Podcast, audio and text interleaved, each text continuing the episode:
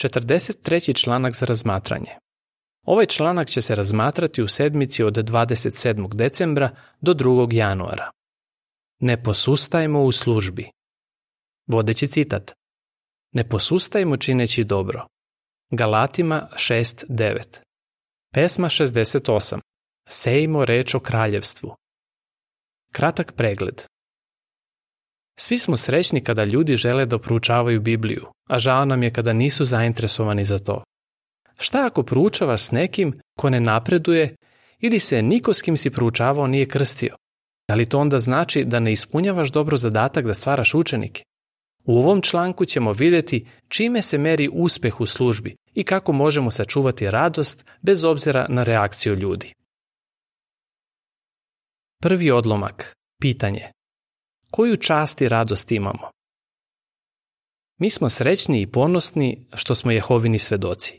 Dokazujemo da smo njegovi svedoci tako što propovedamo drugima i poučavamo ih o njemu. Drago nam je kada nekome ko ima ispravan stav prema večnom životu možemo pomoći da počne da služi Jehovi. Dela apostolska 13.48 Kada su se sedamdesetorica učenika vratila iz službe, Srećna zbog uspeha koji su postigla, Sveti Duh je ispunio Isusa radošću. Sličnu radost i mi osjećamo. Luka 10, 1, 17 i 21 Drugi odlomak, pitanje. Po čemu se vidi da ozbiljno shvatamo službu propovedanja? Mi ozbiljno shvatamo službu propovedanja. Apostol Pavle je napisao Timoteju Dobro pazi kako živiš i kako poučavaš. Zatim je dodao, čineći to spašćeš i sebe i one koji te slušaju. 1. Timoteju 4.16 Dakle, u pitanju su životi ljudi. Mi pazimo na to kako živimo jer smo podanici Božjeg kraljevstva. Želimo da naše ponašanje bude na čast Jehovi i u skladu sa onim što propovedamo. Pazimo na to kako poučavamo tako što se dobro pripremamo za službu i molimo Jehovu za pomoć. Treći odlomak, pitanje. Kako ljudi na nekim područjima reaguju na dobru vest? Navedi primer. Čak i kada dajemo sve od sebe, dešava se da većina ljudi na području nije zainteresovana za dobru vest. Primera radi, Brat Georg Lindal je sam propovedao na Islandu od 1929. do 1947. godine. Podelio je desetine hiljada publikacija, ali niko nije prihvatio istinu. On je napisao, neki su izgleda zauzeli stav protiv istine, ali većina je ostala potpuno ravnodušna. Čak i nakon što su misionari iz Galada došli na Island, Prošlo je još devet godina pre nego što je neko tamo predao svoj život Jehovi i krstio se. Četvrti odlomak. Pitanje. Kako se neki od nas osjećaju kad ljudi ne žele da proučavaju Bibliju? Teško nam pada što većina ljudi ne želi da proučava Bibliju.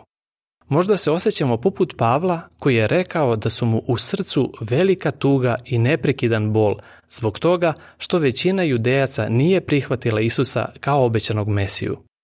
Rimljanima 9 od 1 do 3 Možda proučavaš Bibliju s nekim, ali uprkos svem tvom trudu i molitvama za njega, on ne primenjuje ono što uči i smatraš da treba da prekineš kurs, Ili možda niko od onih s kojima si proučavao nije napredovao do krštenja.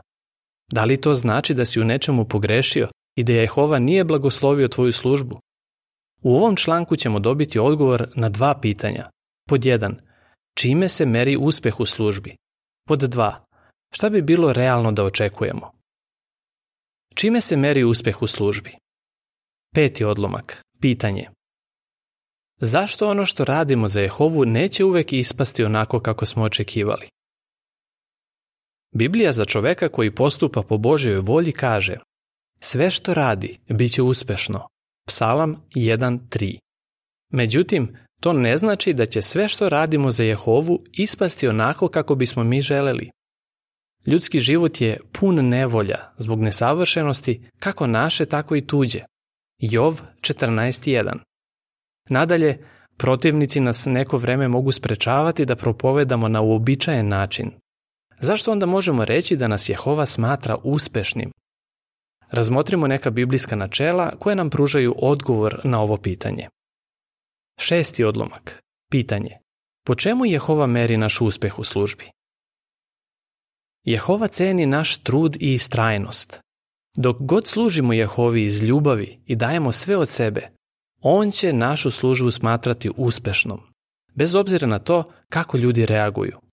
Pavle je napisao, Bog nije nepravedan pa da zaboravi vaša dela i ljubav koju ste pokazali prema njegovom imenu, time što ste služili svetima i što im i dalje služite. Jevrejima 6.10 Čak i ako osoba s kojom smo proučavali nije napredovala do krštenja, Jehova ne zaboravlja naš trud i ljubav. Pavle je rekao Korinćanima Vaš trud u gospodu nije uzaludan.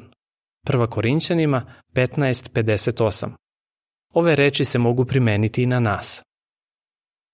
Tekst uz slike glasi Jehova ceni naš trud, bez obzira na to da li propovedamo od vrata do vrata, preko pisama ili telefona.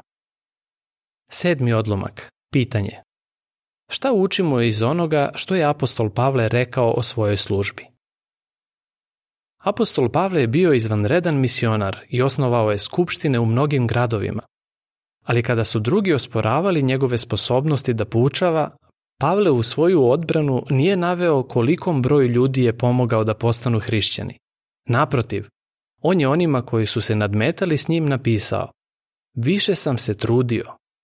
Druga Korinćanima 11.23 Daničić Karadžić Poput Pavla, imaj na umu da ono što Jehova najviše ceni jesu naš trud i istrajnost. Osmi odlomak. Pitanje. Šta treba da bude prvenstveni izvor naše radosti u službi? Jehova ceni naše zalaganje u službi. Isus je poslao 70 učenika da propovedaju poruku o kraljevstvu i oni su se vratili radosni. Čemu su se radovali? Rekli su, Čak nam se i demoni pokoravaju kad se služimo tvojim imenom. Isus ih je ispravio rekavši šta treba da bude izvor njihove radosti. Ne radujte se tome što vam se duhovi pokoravaju, nego se radujte što je vaše ime zapisano na nebesima. Luka 10 od 17 do 20. Isus je znao da oni neće uvek postizati tako neverovatne rezultate u službi. Zapravo, ne znamo ni da li su ljudi koji su ih slušali uopšte postali hrišćani. Trebalo je da nauče da pronalaze radost prvenstveno u tome što Jehova ceni njihovo zalaganje u službi, a ne samo u rezultatima koje postižu. Deveti odlomak. Pitanje. Prema Galatima 6 od 7 do 9, šta ćemo dobiti ako istrajemo u svojoj službi? Ako istrajemo u svojoj službi, dobit ćemo večni život – Dok celim srcem sejemo seme istine o kraljevstvu i zalivamo ga, mi ujedno sejemo u duh. Zašto to možemo reći? Kada učestvujemo u službi, sveti duh može da nas vodi. Jehova je obećao da će nas nagraditi večnim životom ako ne posustanemo u službi i ne umorimo se, bez obzira na to da li smo nekome pomogli da dođe do krštenja ili ne. U Galatima 6 od 7 do 9 piše Ne zavaravajte se. Bog se ne može ismevati. Jer šta čovek poseje, to će i požnjeti. Ko seje u svoje telo, od tela će požnjeti propast. A ko seje u duh, od duha će požnjeti večni život. Zato ne posustajemo čineći dobro, jer ćemo, ako se ne umorimo, požnjeti plod kad dođe vreme. Šta bi bilo realno da očekujemo? Deseti odlomak. Pitanje od čega zavisi kako će ljudi reagovati na dobru vest. Reakcija ljudi prvenstveno zavisi od toga šta im je u srcu. Isus je to istakao u poređenju o sejaču. Sejač je sejao seme na različite vrste tla, ali samo je seme koje je palo na dobru zemlju niklo i donelo plod. Isus je rekao da različite vrste tla predstavljaju ljude koji na Božju reč reaguju u skladu sa onim što im je u srcu. Kao što sejač ne može da utiče na to gde će seme da nikne, tako ni mi ne možemo uticati na to da li će seme istine pustiti koren u nečijem srcu. Naš zadatak je da nastavimo da sejemo dobro seme, to jest dobru vest o kraljevstvu. Kao što je apostol Pavle rekao, svako će dobiti nagradu prema svom trudu, a ne prema rezultatima koje postiže.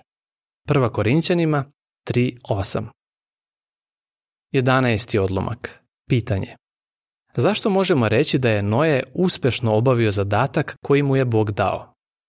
Tokom istorije, mnoge Jehovine sluge su propovedale ljudima koji nisu želeli da ih slušaju.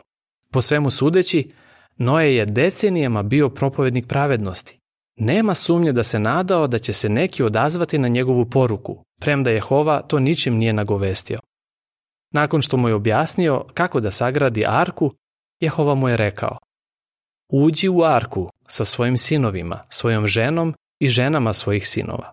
Postanak 6.18 Kada je čuo kolike će biti dimenzije arke, Noe je verovatno shvatio da će malo ko poslušati njegovu poruku. Ispostavilo se da se niko nije odazvao na Noevo propovedanje.